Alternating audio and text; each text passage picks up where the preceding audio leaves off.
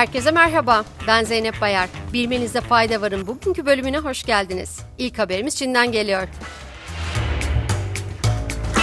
Reuters'ın haberine göre Çin Merkez Bankası, Jack Ma'nın sahip olduğu Ant Group'a 1 milyar dolardan fazla para cezası vermeyi planlıyor. Haberde Merkez Bankası'nın gelecek yılın ikinci çeyreğinde cezayı uygulamaya hazırlandığı ve konu hakkında şirket ile temasa geçtiği belirtildi. Kısa bir hatırlatma yapmamız gerekirse, Ant grubun bağlı olduğu çatı kuruluşu Alibaba Grup, geçtiğimiz yıl anti tekel ihlalleri nedeniyle 2,51 milyar dolar gibi rekor bir para cezasına çarptırılmıştı. Norveç'ten bir enerji haberiyle devam ediyoruz.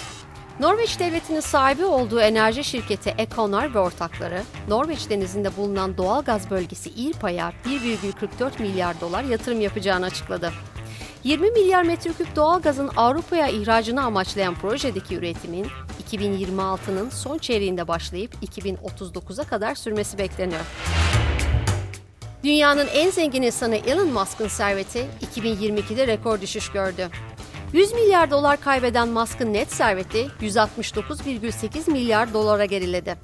Bu gerileme Bloomberg Milyarderler Endeksinde şimdiye kadar kaydedilen en sert düşüş oldu. Tesla'da yükselen ham madde maliyetleri ve tedarik zincirindeki bozulmaların Musk'ın servetinde yaşanan gerilemenin nedeni olduğu düşünülüyor. Yaşanan rekor düşüşe rağmen Musk dünyanın en zengin insanı olarak listenin başında yer almaya devam ediyor. İş dünyasında cinsiyet eşitliğini sağlaması hedeflenen bir düzenlemeyle devam ediyoruz. Avrupa Parlamentosu, Avrupa Birliği üye ülkelerinde şirket yöneticilerinin en az %33'ünün kadınlardan oluşmasını öngören yasa teklifini kabul etti.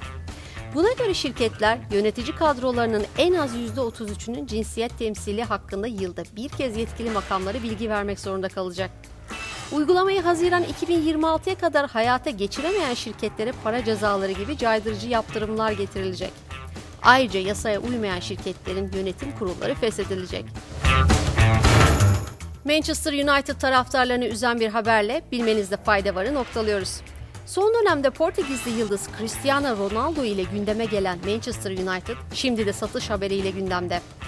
Manchester United'ın sahibi ABD'li Glazer ailesi, Cristiano Ronaldo'nun salı günü Manchester United ile yollarını ayırmasının ardından takımın tamamının veya bir kısmının satılabileceğini açıkladı. Kulüp internet sitesinden yaptığı açıklamada kulüp yönetimi yeni yatırım, kulübün satışı ve şirketi içeren diğer işlemlerde dahil olmak üzere tüm stratejik alternatifleri değerlendirmeye karar almıştır ifadelerini kullandı.